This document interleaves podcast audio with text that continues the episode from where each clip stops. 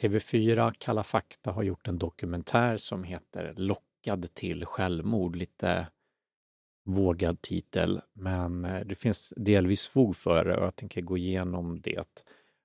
De har gått igenom där det an, vårt andliga community, framförallt det här med Starseeds eh, Ascension, uppstigning från 3D till 5D med sådana här figurer som eh, Charlotta Rexmark, Grossi, även en som jag inte kände till som heter Anders Knutsen med mera som pratar om det här på olika sätt med självmord och hur man förhåller sig till självmord, själskontrakt och så vidare. Jag tänker att vi hoppar direkt in och eh, ja, den finns ju på TV4 Play och, och se i sin helhet. Här är från en, eh, vi ska lyssna på vad han eh, Anders Knutsson säger om det här med barn först och främst och barn som tar på sig sjukdomar eller om det är vi som tar på oss sjukdomar bara. Jag minns inte hur, vad, vilket klipp det här är nu, men vi lyssnar på det. Det ligger på, på Aftonbladets hemsida. Personen. Allvetandet har talat om för mig att det mesta är, är energier vi själva har tagit på oss och lagt på oss. Och vi väljer oftast för att komma bort ifrån verkligheten eller där vi sitter fast. Istället... Så det här är en klassisk grej såklart med att eh, vi tar på oss, eller vi, vi ansvarar för våra sjukdomar ungefär. Det finns i många andliga communities, det finns i scientologin inte minst, där, där är allting, allting som drabbar oss är på grund av oss själva och ofta många gånger på grund av någonting som vi gjort i ett tidigare liv exempelvis. Så, det, så då går man tillbaka för att se vad det är för någonting man gjort fel i tidigare liv som gjort att man drabbats av det här idag. Det finns såklart alltid, eller inte alltid, men ibland så kan vi såklart ha ett, ett, ett typ av ansvar för saker som händer oss om vi negligerar vår hälsa, exempelvis trots att massa personer säger du negligerar din hälsa, det verkar gå dåligt för dig, du, ja, vad det nu är för någonting. Och så struntar vi i det även fast vi vet att vi borde göra någonting åt det. Då, där kan man ju se ett ansvar. Men här är det många gånger att i princip allting är på grund av det. Det är som attraktionslagen, att det är den som reglerar allt. Och eh, oberoende av, av vad det är, om det är ett barn som får diabetes eller någon som får cancer eller vad det är, någon konstig ovanlig sjukdom, så är det också någonting som de dragit till sig. Och det är ju en mer extrem syn som eh, ja, inte är så där jättesund tycker jag. Men ja, vi har med vad han säger. Eller för att ta tag i ett problem så bjuder vi in en sjukdom. Anders Knutas påstår att han kan laga benbrott och frigöra psykiska trauman. Ja, han sa inte så mycket mer om det där. Men det, här, det är den gamla vanliga grejen att vi drar till oss de problem som vi lider av. och eh, ja, alltså det, det, finns ju såklart, vi har alla ett, del, ett delvis ett ansvar över, över våra liv. Men om man tittar, det finns saker som genetik också, om man tror på det. Det finns saker som andra människor runt omkring oss. Det finns eh, slump, om man tror på slump. Det finns olyckshändelser som inträffar, man blir påkörd av någon bil exempelvis där är det väldigt svårt att se åtminstone hur vi i det här livet skulle gjort någonting för att orsaka det annat än om vi så här, var fulla och gick, och gick ute på motorvägar varje, eh, varje helg eller något sånt där. Då, då kan man säga att det är en... Men det, ja, där får man börja prata om de här själskontrakten tror jag. Att vi, vi har liksom, det är på grund av karma, det är på grund av att våra tidigare liv så har vi gjort och, och men det gör ju, det vet vi ju inte om i det här livet. Det är väldigt svårt att relatera till saker som kanske har hänt i något annat liv. Och därför har vi gjort det. Så där, för mig blir den, det är bara en soppa att ge sig in i det och se på det på det sättet. I den utsträckning som det blir hjälpsamt för någon och se alltså att, att jag själv kan påverka det här, då kan det ju vara bra. Jag tror han nämner det här med, de frågar honom om barn och eh, om barn är sjuka och sådär och då går han in och säger men att barn har faktiskt till och med sagt till honom att de tagit på sig det här. Och det här med själ, alltså i tidigare liv då, eller, eller mellanliv snarare. Michael Newton pratar ibland annat om det, han som har skrivit eh, många böcker om tidigare liv och liv mellan liv, att man har de här själskontrakten som man kom överens om inför en inkarnation. Då. Grejen är ju bara att vi inte vet om dem. Och, hur, och även om man gör såna här äh, quantum healing, Dolores Cannon eller någon regressionsterapi eller hypnos, så hur vet vi vad som är sant och på vilken detaljnivå vet vi det? För mig är de här grejerna, även om de är sanna, det är inget problem att man tror på det eller att det skulle kunna vara sant. Det är bara problemet blir mer hur man förhåller sig till det. Eller det är där problem kan uppstå åtminstone. Jag tror vi ska komma, kom, komma till det. Men vad det anbelangar barn som har tagit på sig och säger till honom att de tagit på sig det, ja, är det hjälpsamt för dem så att de själva kommer till någon insikt och ingen annan påverkat och de själva känner det så om det inte skadar dem utan att det blir liksom positivt, så vad gör det? Men eh, om det är så att vi säger det till, till dem, eller precis som man gör i scientologin, då, bara för att ge ett eh, avskräckande exempel, så är det ju att allting de blir drabbade av är deras eget fel egentligen. Han pratar om så här att det, det lär oss att ta ansvar ungefär. Inte att det är skuldbeläggen utan ansvarstagande. Men hur ska ett barn kunna ta ansvar för ett, ett tidigare liv någon gång som de inte kommer ihåg överhuvudtaget? Så att prata om sådana saker ser jag som rent... Eh, ja, det är väldigt dåligt att göra det helt enkelt, att prata på det sättet till ett barn om någon nu får för sig att göra det. Okej, okay, så han har också en anställd där som är lite speciell skulle jag säga. Hon har tydligen i en tidigare han har lagt ut ett svar på sin sida. De här eh, Life Forum har han en hemsida eller en, vad ska man säga, en organisation där han gör healing. Hypnos har de för 6 000 och eh, något annat, eh, någon coaching kanske eller något för 2 5 Så ganska höga priser. Det är väl för att han är populär antar jag som han kan ta så mycket. Men han har en anställd då som heter Karin Jonsson och hon har tydligen, säger i alla fall TV4 här i en han, för han publicerar hela intervjun de gjorde med honom och menar på att han har att de har klippt ihop det felaktigt kring honom. Och jag är beredd att hålla med delvis om det, för när jag läser igenom texten, alltså all, all text, vad heter hela intervjun då i text som de gjorde med honom, så ser man att han väldigt tydligt tar avstånd för den typen av eh, det här med kritiken som dokumentären riktar mot att uppmuntra eller inte göra någonting åt människor som uttrycker självmordstankar eller suicidplaner och sånt där. Han tar väldigt tydligt avstånd från det i, eh, i den här intervjun på många ställen och han menar att även fast det finns sådana här själskontrakt, även om de existerar, så är det inget som motsäger att, eh, att, vi, kan, att vi gör någonting åt och han skulle försöka stoppa någon, eller man ska uttrycka, försöka rädda någon från att begå självmord eh, Eh, det visar de inte i den här dokumentären. Och jag tyckte när jag såg dokumentären att ja, men det här verkade schysst. Det verkade bra, rätt bra porträtterat. porträtterat. Några klipp tyckte jag var lite konstigt för det var uppenbart att de hade eh, separerat. Eh, senare, för senare fick man se en längre, ett längre urklipp av intervjun. Det var när han, han Anders då pratade om Börje Salming och att han fått, han menar att han troligen fått ALS på grund av vaccinet. Och eh, de klippte ihop det på ett annat sätt i början av i den. Det var inte en jättestor grej, men det bara, jag tycker det var onödigt att göra det. det. För det förstör verkligen för någon som tittar lite noggrannare.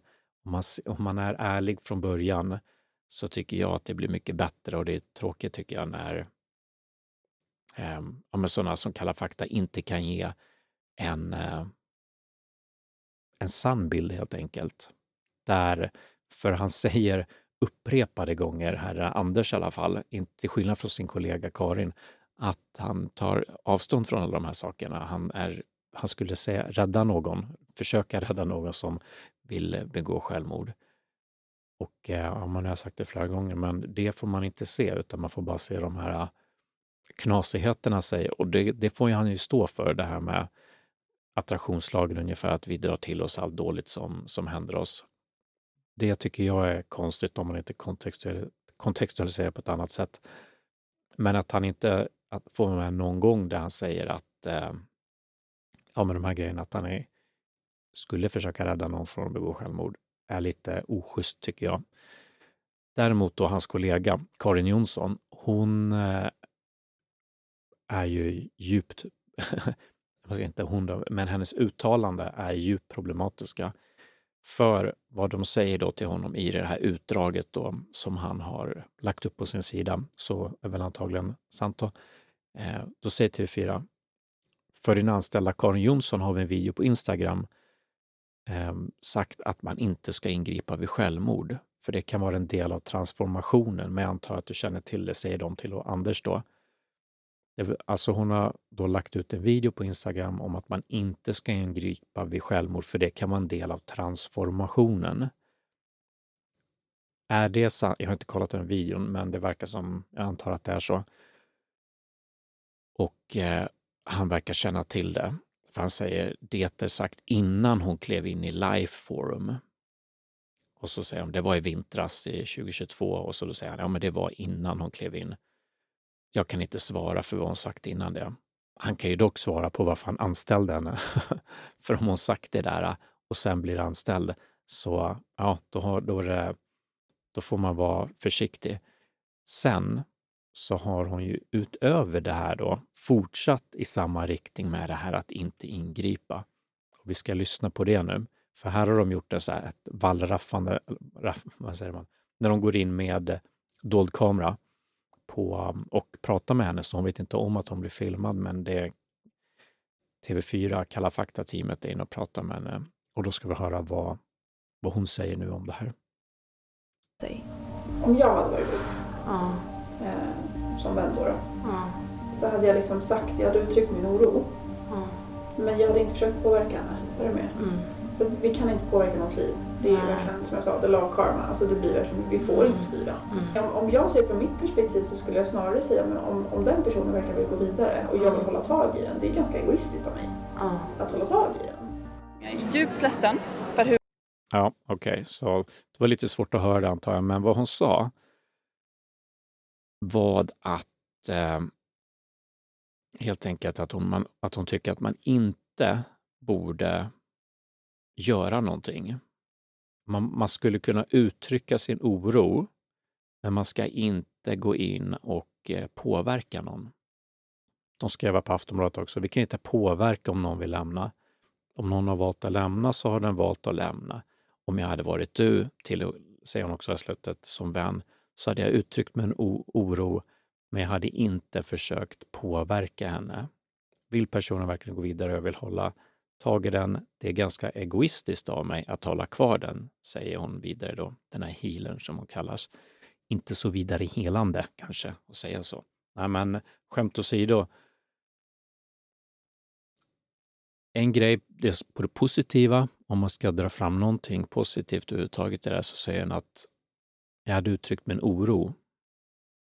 Men så säger hon, jag hade inte försökt påverka det. Hon pratar även om the law of karma, att man inte kan påverka. Och här är det här som, som är återkommande och jag tror att TV4-teamet eller Kalla fakta-teamet har fått nys om det eller fått nys. Det är många som uttrycker sig på det sättet att man inte ska stå i vägen, precis som hon själv sa det, eh, den här eh, Karin Jonsson att man ska inte ingripa vid självmord, för då stör man deras process ungefär, eller transformation.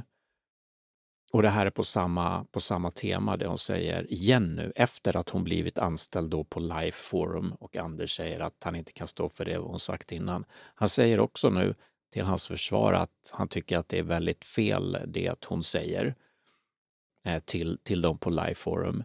Men i, han säger samtidigt här att i...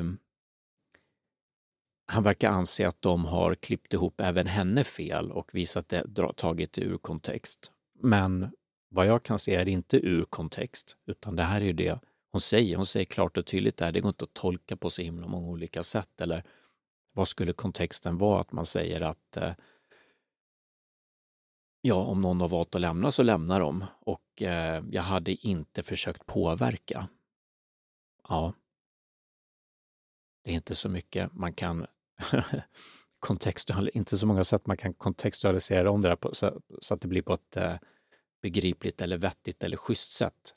Så är det helt enkelt inte, utan de här grejerna som hon säger är verkligen, det är helt fel och det är precis det som den här eh, uh, Locka till självmord-titeln går ut på, kalla, kalla fakta, och den är helt sann då. Kanske inte lockad till självmord, men det finns andra, säga, andra aspekter här också som andra personer pratar om i dokumentären, nämligen att eh, den här idén om att man reinkarnerar. Det finns ju såklart i många traditioner att man tänker att man reinkarnerar och vissa ser det som en så här, ja men nu det gick inget bra den här gången, vi gör ett nytt försök ungefär. Och att eh, man till och med väljer att bara göra det kanske relativt lättvindigt ungefär. Bara börjar om. Eller till och med uppmuntrar någon till att ja, men du har det för, för svårt, du är för skadad. Det var någon som sa det, så här, ditt DNA är för, för, eh, för, för paj ungefär, så du får ta och eh, starta om helt enkelt. Ungefär vad folk i någon grupp, eh, Facebookgrupp hade sagt då är det i princip lockad till självmord. Man föreslår att någon ska ta livet av sig för att reboota ungefär som när datorn behöver eh, defragmentera eller för mycket prylar och grejer på datorn som man behöver starta om. Det är inget bra heller för den som, den som undrar. Det är inga bra grejer alls. Och, eh, och det får vi då delvis med den här kosmologin och metafysiken som finns kring den typen av andlighet med uppstigning, ascension, 3D till 5D, reinkarnation, så kan det leda till att man, mer lätt, man tar mer lättvindigt på självmord. Och till och med uppmuntrar folk som har det svårt eh, att, att begå självmord. Vilket såklart är djupt problematiskt. Och hon då, den här eh, Karin, vad heter hon, Jonsson, verkar uppenbart fortfarande tycka så, även fast att han, eh, Anders, hans, hennes eh, skulle säga arbetsledare, hennes chef som kan ge henne sparken som han själv säger, har pratat med henne om exakt det här problemet. Så det här är någonting som finns djupt rotat och jag, på så sätt vill jag verkligen ge TV4 och eh, Kalla fakta rätt, eller de, de har verkligen hittat någonting som är viktigt för de här tankarna finns uppenbarligen. Och de är djupt rotade. Till och med när, när, när det explicit kommit upp som ett problem och han har sagt till henne att inte prata på det sättet, så gör hon det ändå. Okej, okay. Så det är som en... Det gör också att jag undrar lite grann, vad är det han själv verkligen tycker? Har han bara lärt sig att prata rätt snack, lite som eh, ja, men typ men en del från SD som uppenbart fortfarande sympatiserar med, med fascistiska, grejer, fascistiska grejer bara lärt sig hur man ska prata för att det inte ska uppfattas rasistiskt. Så man säger rätt saker. Eller någon annan. Alltså det kan vara vänsterpartister som också bara lärt sig att man inte ska prata på ett, eh, om, om kommunism i positiva termer för ingen blir glad då.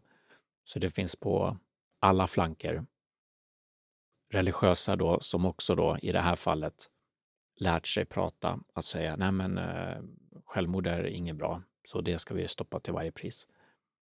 Jag får inte det intrycket när jag läser intervjun med honom, alltså i, i text, men det skulle kunna vara så. För att det verkar som att de här idéerna går väldigt djupt. Hos hans anställda i alla fall. Och varför ha den typen av anställda om man själv inte ser på det på det sättet? För det är en ganska allvarlig skillnad i hur man ser på, på, på liv och död och människor. ska se också vad hon svarar när de till slut får tag i henne igen, Kalla fakta, och frågar henne om de här uttalandena. Hur den här bilden har kommit ut och hur det sagts. Absolut inte det jag menat. Men har du tänkt på vad det kan få för konsekvenser att säga så till en person som mår dåligt? Som sagt, jag förstår hur det låter, men också allting i det här... Varför kan säger du så då om du förstår det? Precis precis som jag sagt till dig här och nu, jag förstår hur det låter men i den här situationen, min intention har aldrig någonsin varit att skada den här personen. Hon säger att hon förstår hur det låter. Ja, men hennes intention har inte varit att skada den här personen. Ska du titta på det uttalandet? Hon förstår hur det låter. Okej, okay, det för det låter ju som att hon säger, eller det låter inte, hon säger explicit att om någon valt att lämna så har den valt att lämna. Jag hade inte försökt påverka henne. Om jag varit du så hade jag uttryckt min oro, men jag hade inte försökt påverka henne, säger hon. Vill personen verkligen gå vidare och jag vill hålla kvar den så är det snarare egoistiskt, säger hon. Det är egoistiskt av mig att hålla kvar den. Och så säger hon att hon förstår hur det låter.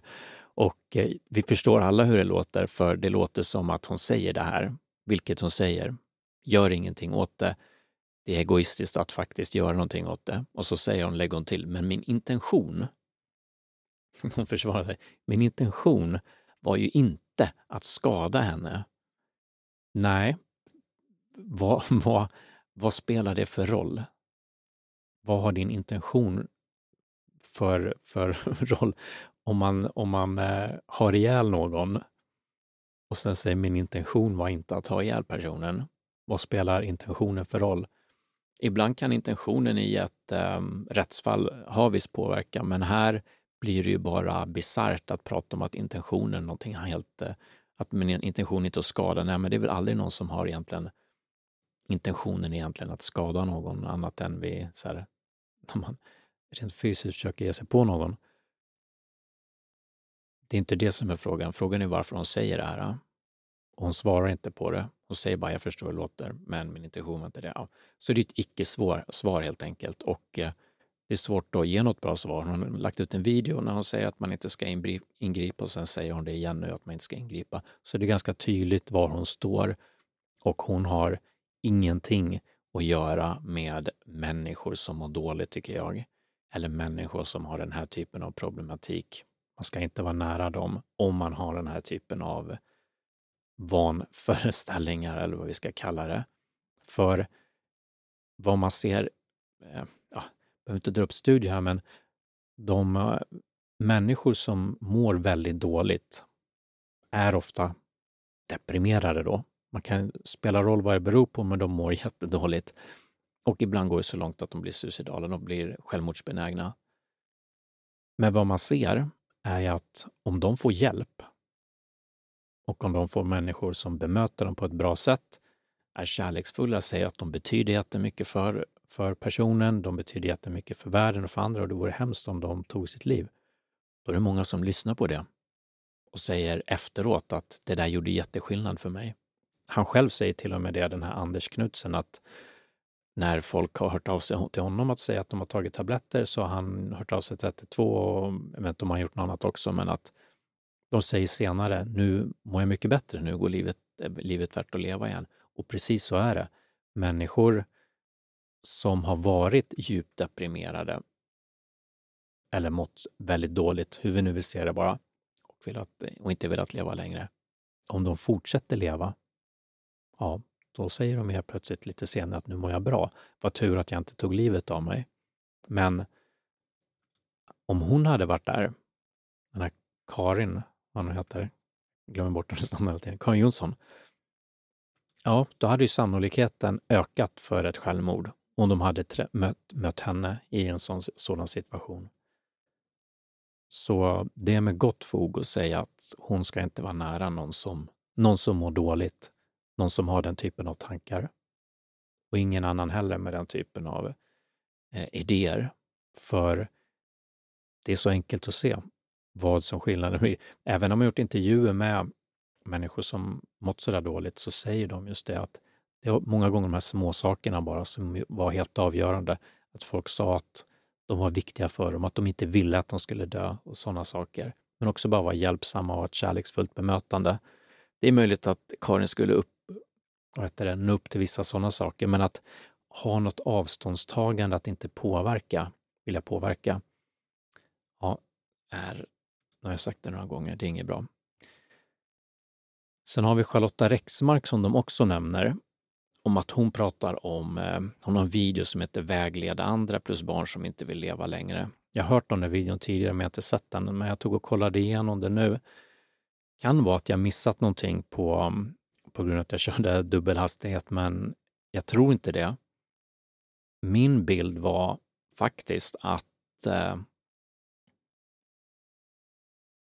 det inte var så himla illa, det som hon sa.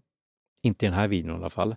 Hon pratade om två typer av barn. Ena då som hon, hon pratade om själskontrakt.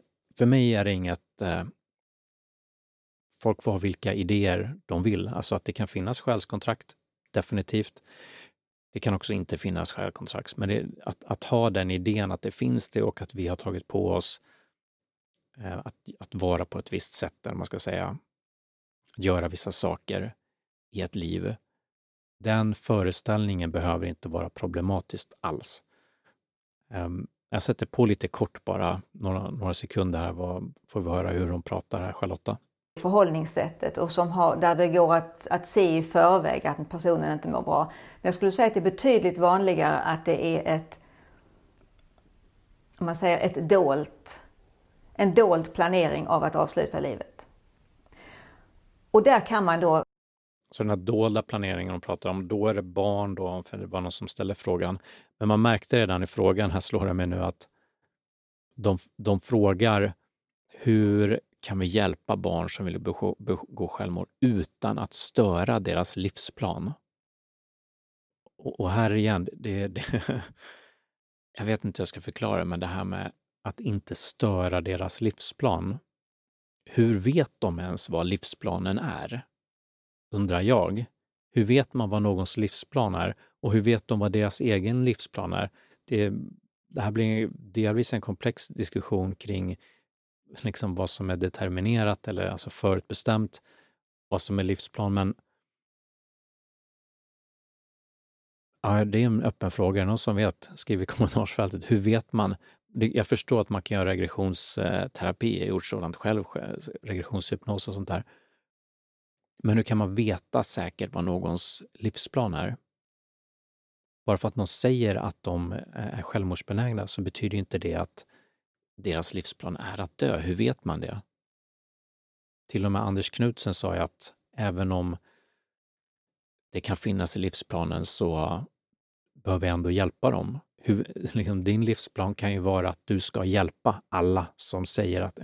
Ja, för mig är det något, något ordentligt feltänkt där som jag skulle vilja förstå mig på. Det skulle vara intressant att prata med någon som har den, den åsikten.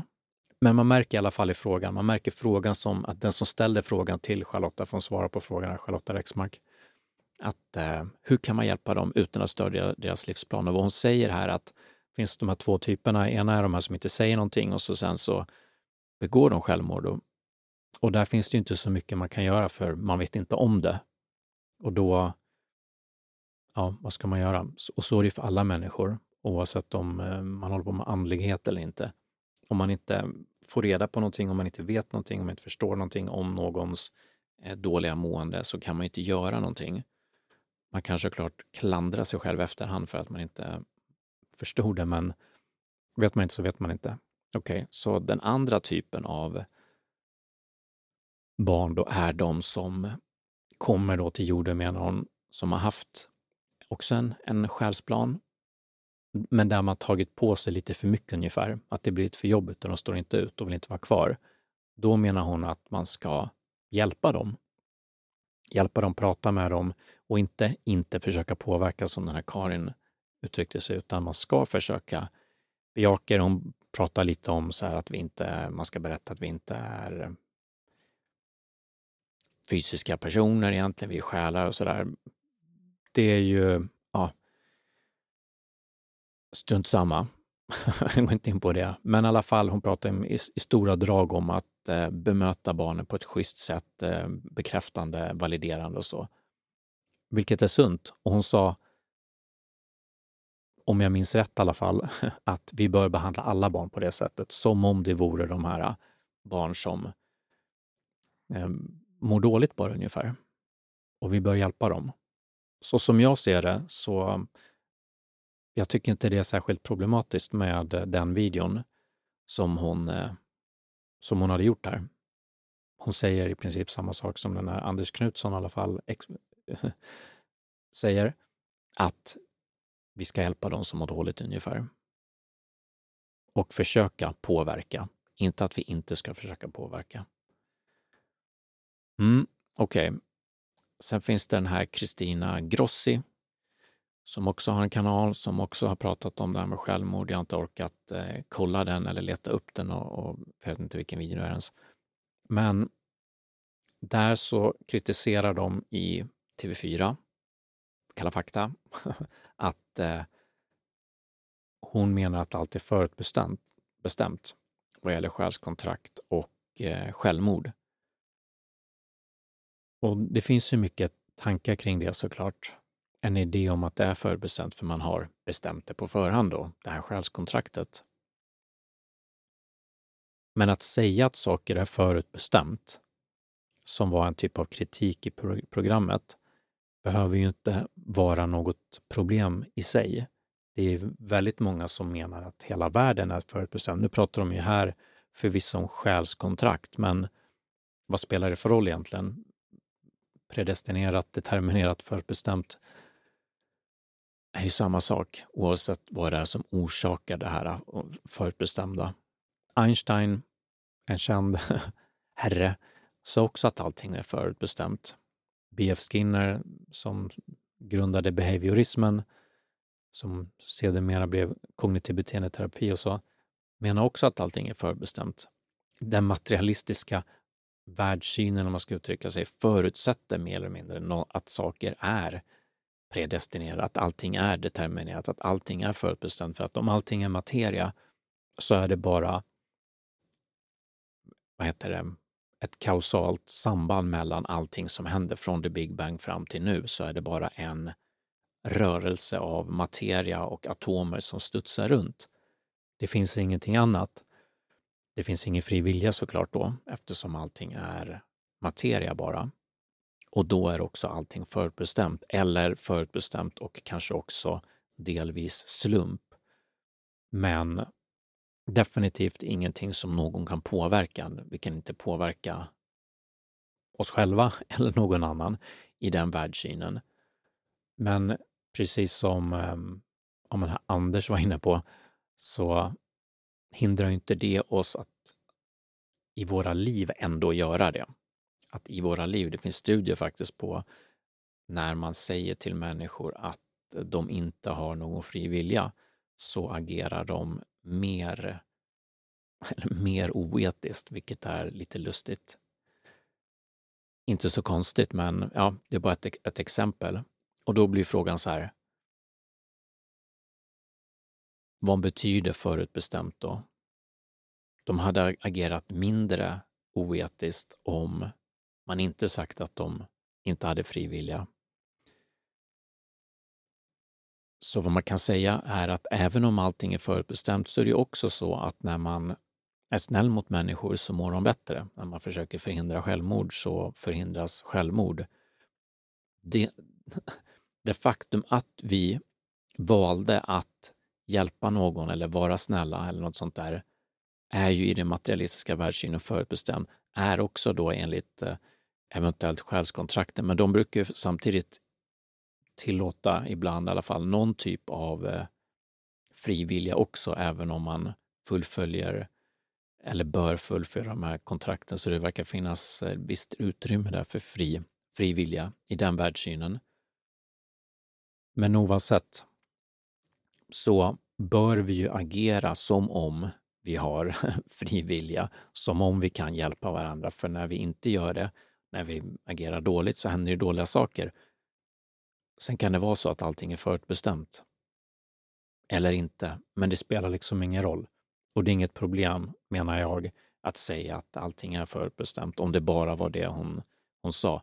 Problemet är ju om man säger att det är förutbestämt och därför så ska jag, som den här äh, Karin säger, inte försöka påverka. Hon nämner, nämner så här the law och karma. Jag försökte slå på det. Det finns så 12, 12 karmalagarna och sånt där, men jag kunde inte se någonting där det stod att man inte ska hjälpa människor som är självmordsbenägna. Om någon vet var den finns så får de gärna länka gärna till det. Men om allt är determinerat så är det ju, så är det ju determinerat vare sig hon försöker hjälpa, påverka någon som, försöker begå, begå, som vill begå självmord eller om hon inte gör det. Eftersom allting är determinerat. Men här är att man bygger in istället att det är så här, någons själskontrakt som man inte ska påverka. Men igen, hur vet man vad det är? Hur vet man vad det här själskontraktet ser ut och hur vet man vad ens eget själskontrakt är? Det är så luddiga saker så att det man bör göra är såklart det som faktiskt Charlotta Rexmark är inne på och som Anders är inne på. Man bör göra det som är rätt. Inte någon knäpp idé om någon karmalag som säger att man inte ska försöka påverka andra människor ungefär, utan man ska göra det som man gör som god människa. Om någon mår dåligt försöker man hjälpa. Om någon är självmordsbenägen så vet vi att om vi visar kärlek omtanke och säger att vi inte vill att de ska till livet så, så minskar sannolikheten att de gör det. Så ska man agera. Okej, okay. jag kollar igenom mina anteckningar som jag hade skrivit lite grann här. Eh, han nämner också Dolores Cannon såg jag och det här återkommer. Det här Dolores Cannon 3D till 5D-skiftet, quantum healing och eh, de har en eh, kvinna som heter Susanna Crockford, eller Rock, ja, vad det nu var, som också pratar om det. Hon hade bott med en andlig grupp i Sedona. Sedona är ett sånt där andligt näste i USA och eh, studerat dem. Hon var någon antropolog, studier av människor. Och hon pratade om två typer av uppvaknande också, vilket jag tyckte var lite kul, för det är ju på samma sätt som jag själv, är säkert inte ensam om det, men jag har inte hört så många prata om det, men att de här uppvaknandena, det andliga uppvaknandet i den här kontexten då, Dolores Cannon 5D, Starseeds, Ascension, då är det att man vaknar upp till å ena sidan, eller eventuellt konspirationer eller korruption om vi ska prata om det mera vad ska man säga, inte så negativt. Konspirationsteorier är nästan alltid negativt. Men om vi kan prata om korruption, vakna upp till hur systemet fungerar, hur, att det finns massa korruption och, och dåliga grejer. Å andra sidan vakna upp till det här med att vara ett star, starseed, vara en lightworker som kommit hit till jorden för att hjälpa andra och så vidare. Och de behöver inte hänga ihop. Men det är två olika typer av, uppvaknande som man pratar om. Men, som jag pratat om tidigare, det är inte den typen av uppvaknande som eh, de mystika traditionerna pratar om, som buddhismen pratar om, eller zenbuddhismen, eller tibetansk buddhism, eller mahayana-buddhismen, eller kristen mystik, sufism inom islam, kabbala inom judendomen de pratar inte om det. De pratar inte om 5D, de pratar inte om starseeds, de pratar inte om sådana saker. De pratar dock också om ett uppvaknande, vakna upp ur ja, hinduismen som använder om maya, vilket såklart man kan översätta eller tänka om som the matrix, att vi blir lurade lite av någonting och på så sätt liknar det ju hur man i den här typen av nyandlighet pratar om att eh, se igenom eh, matrixen ungefär. Och ah, hoppa upp då, stiga upp från 3D till 5D. Men vad de mystika traditionerna pratar om är att det är inte att försöka eller att se att eh, det finns korruption eller att man är ett starseed, utan det är att världen är en projektion av det här sinnet. Världen som sådan projicerar av vårt, projiceras av vårt eget sinne.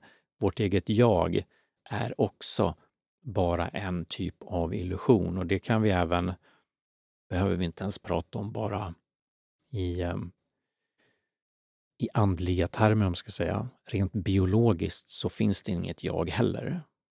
Det är bara den mänskliga organismen är bara en, eh, en, en sammansättning av olika organ, fysisk materia och så vidare. Det finns såklart ingen person där inne, finns inget jag. Och vi kan på olika sätt se att det här jaget som vi upplever går att förändra, ta bort. Och för människor som mediterat väldigt mycket eller gått igenom olika transformationer så uppstår det här vad man kallar för egodöd. Jag vet att andra som Charlotta Rexmark tror jag också nämnde det här med egodöd. Så det finns ju det också, det här med ego och att bli kärlek bara. Så det är inte helt olika saker, men vilket gör det svårare. Det kan låta som att det är samma saker för att det finns likheter, men se genom jaget, vakna upp ifrån det. Så där finns lik likheter och det kan vara väldigt svårt att separera det. Men det här att vi är ett starseed är lika mycket illusion som korruptionen som vi ser igenom. Det tror jag inte är det vanliga synsättet inom 5D-communityt. För om allting är en projektion så är allt en projektion.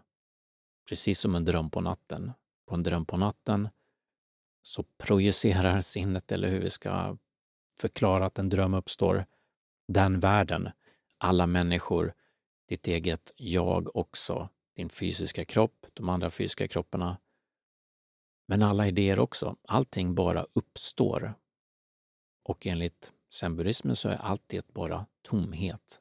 Det har ingen inneboende existens. Det är bara en, vad säger man, Dantes Divine Comedy tänkte jag på, men en uh, play of lila. De uttrycker på olika sätt en dans, en uh, canvas som någonting har målats på bara. Men det är inte så att vi uh, är inte fysiska varelser här, utan vi är egentligen starseeds. Det är mycket möjligt att vi är starseeds, precis som vi är men det är inte så att vi bara är det och så vi inte, det, det, är det som är det sanna och den fysiska kroppen är det som är falskt, utan ur perspektivet ja, men icke-dualism eller vad vi ska kalla det för någonting, så är båda illusion. Båda är samma sak. Båda är bara idéer och idéer är inte sanna. Det är bara idéer. Det som är sant går bortom idéer. Det som är sant går bortom jaget och världen. Det går bortom, bortom, bortom, bortom, säger de, som i Hjärtsutran och många av de här mystika texterna.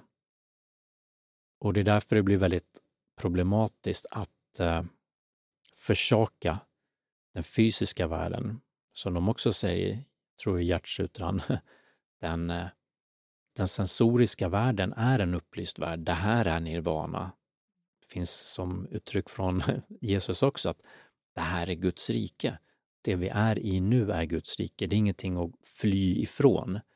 Det finns ingenting att fly ifrån eller fly till, för allting är samma sak. Allting är en projektion av vårt sinne.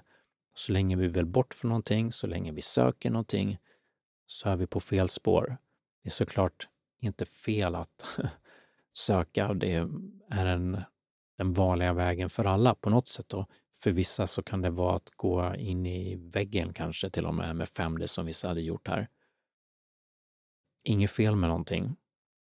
Men det är inte vad de mystika traditionerna pratar om. Det är inte den typen av uppvaknande där man inser sin sanna natur som inte är att vara ett starseed eller komma från Arcturus eller något annat. Det kan vara så också, men det är inte den slutgiltiga sanningen.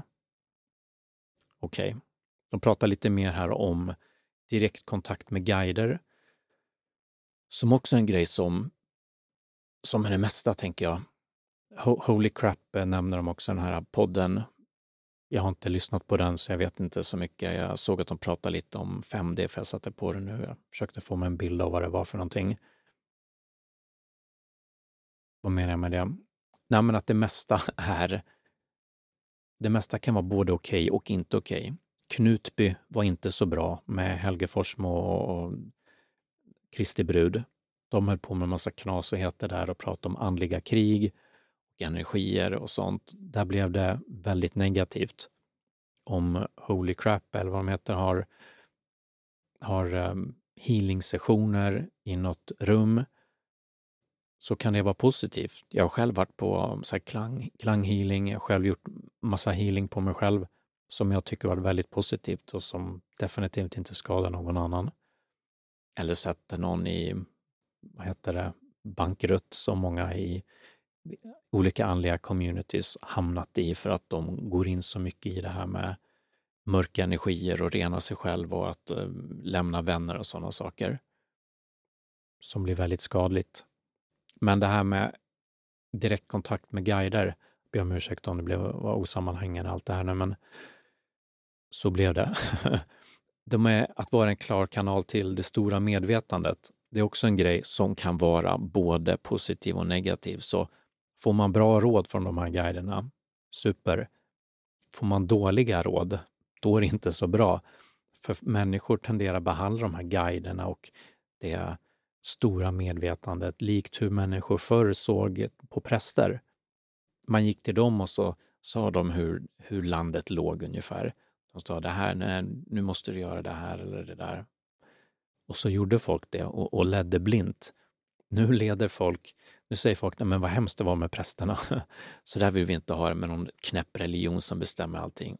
Ja, vad kul. Det här med 5D, okej, okay, då ska jag göra det här och det här. Och okej, okay, om jag mår dåligt, är då är det mitt eget fel och då ska jag bara betala mer pengar till den här gurun som ska rensa mig på um, dåliga energier och förklara varför jag dragit till mig ännu mer och måste betala ännu mer pengar.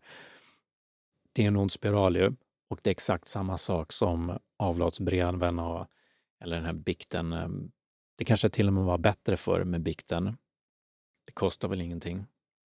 Avlatsbreven kostade. Ja, min poäng bara att vi ser det kommer tillbaka igen. Det är så kul att vi tagit avstånd från de här dåliga grejerna med religionen. Folk tycker att Knutby är knäppt. Ehm, scientologin är knäppt, men i det här programmet så såg vi människor i den här äh, uh, light worker, light and love communityna, eller vissa sådana community i alla fall, gör exakt samma sak. Det är precis samma mekanismer en kvinna som berättade om att hon fick hålla på och hjälpa de fick se upp, äh, de sålde sitt, det är inte så kul såklart, men de sålde sitt hus, de äh, flyttade från där de bodde och så skulle de bara ägna sig helt åt det här och gå sådana här kurser. Det är exakt scientologi. Och så ska de, den här ledaren då, så ska de hålla på och hjälpa henne, ge henne pengar och måla om hennes hus. Det är ju Knutby igen, precis samma grej som hände där. Och så bara går man rätt ner i eh, botten och till slut någonstans där så kom de till insikt. Vad håller vi på med? Vi mår jättedåligt och eh, ja, och så gav de sig av till slut därifrån, då, hon och hennes man och hennes två barn tror jag. Och så får hon massa meddelanden då från de som är i den där gruppen att de tar avstånd från dem. Deras dåliga energier. Allihopa skriver samma sak. Exakt som scientologin. Men här var det då ett 5D-community istället, ett eh, uppstigningscommunity som betedde sig på samma sätt. Så ett typ av kultbeteende som man ser dyker upp här och var, även i, eller inte även, definitivt i olika typer av nyandliga communities. Qanon nämns också och just det här med, med eh, konspirationer. Det är någonting som kommer och återkommer. Och det finns olika, alltså det är lite olika, olika personligheter, olika människor dras till olika saker. Som hon sa, hon den antropologen i programmet, så är det inte nödvändigtvis så att alla dras till Qanon eller konspirationer, utan vissa kan ha bara den här Starseed-delen mer. Men det tenderar att hänga ihop lite grann. Och igen, jag menar, för mig, så som jag ser så finns det sanning i det mesta. Det är inte att eh, mainstream media eller något sånt där har rätt och eh, det andliga communityt har fel. Så det är inte så jag menar. Men jag tycker det är bra att syna och se, för för mig är det egentligen bara vad blir bra? Vad mår människor bra av? Vad är funktionellt i samhället? Om man ger råd att inte hjälpa, eh, försöka påverka människor som begår, begår självmord på grund av idéer, man har om karmalagar och eh, deras transformation och själskontrakt, ja, då är det inte bra. Då är den typen av... Eh, de människor som har de idéerna är negativt för samhället och för de barn som de pratar med eller andra vuxna människor som de pratar med. Så den typen av idéer är det bra att få bort, tror jag. Folk får ha de idéerna såklart. Men om man påverkar andra människor negativt och har en negativ påverkan så bör andra säga till om det. Så som Anders tydligen försökte göra med den Karin utan, utan att det hade någon effekt. Okej. Okay. Ja, ja, men det var det jag hade om det här. Jag länkar de eh, videorna som jag kollade på och artiklarna i beskrivningen. Skriv om du undrar någonting eller inte håller med. På återseende. Tack!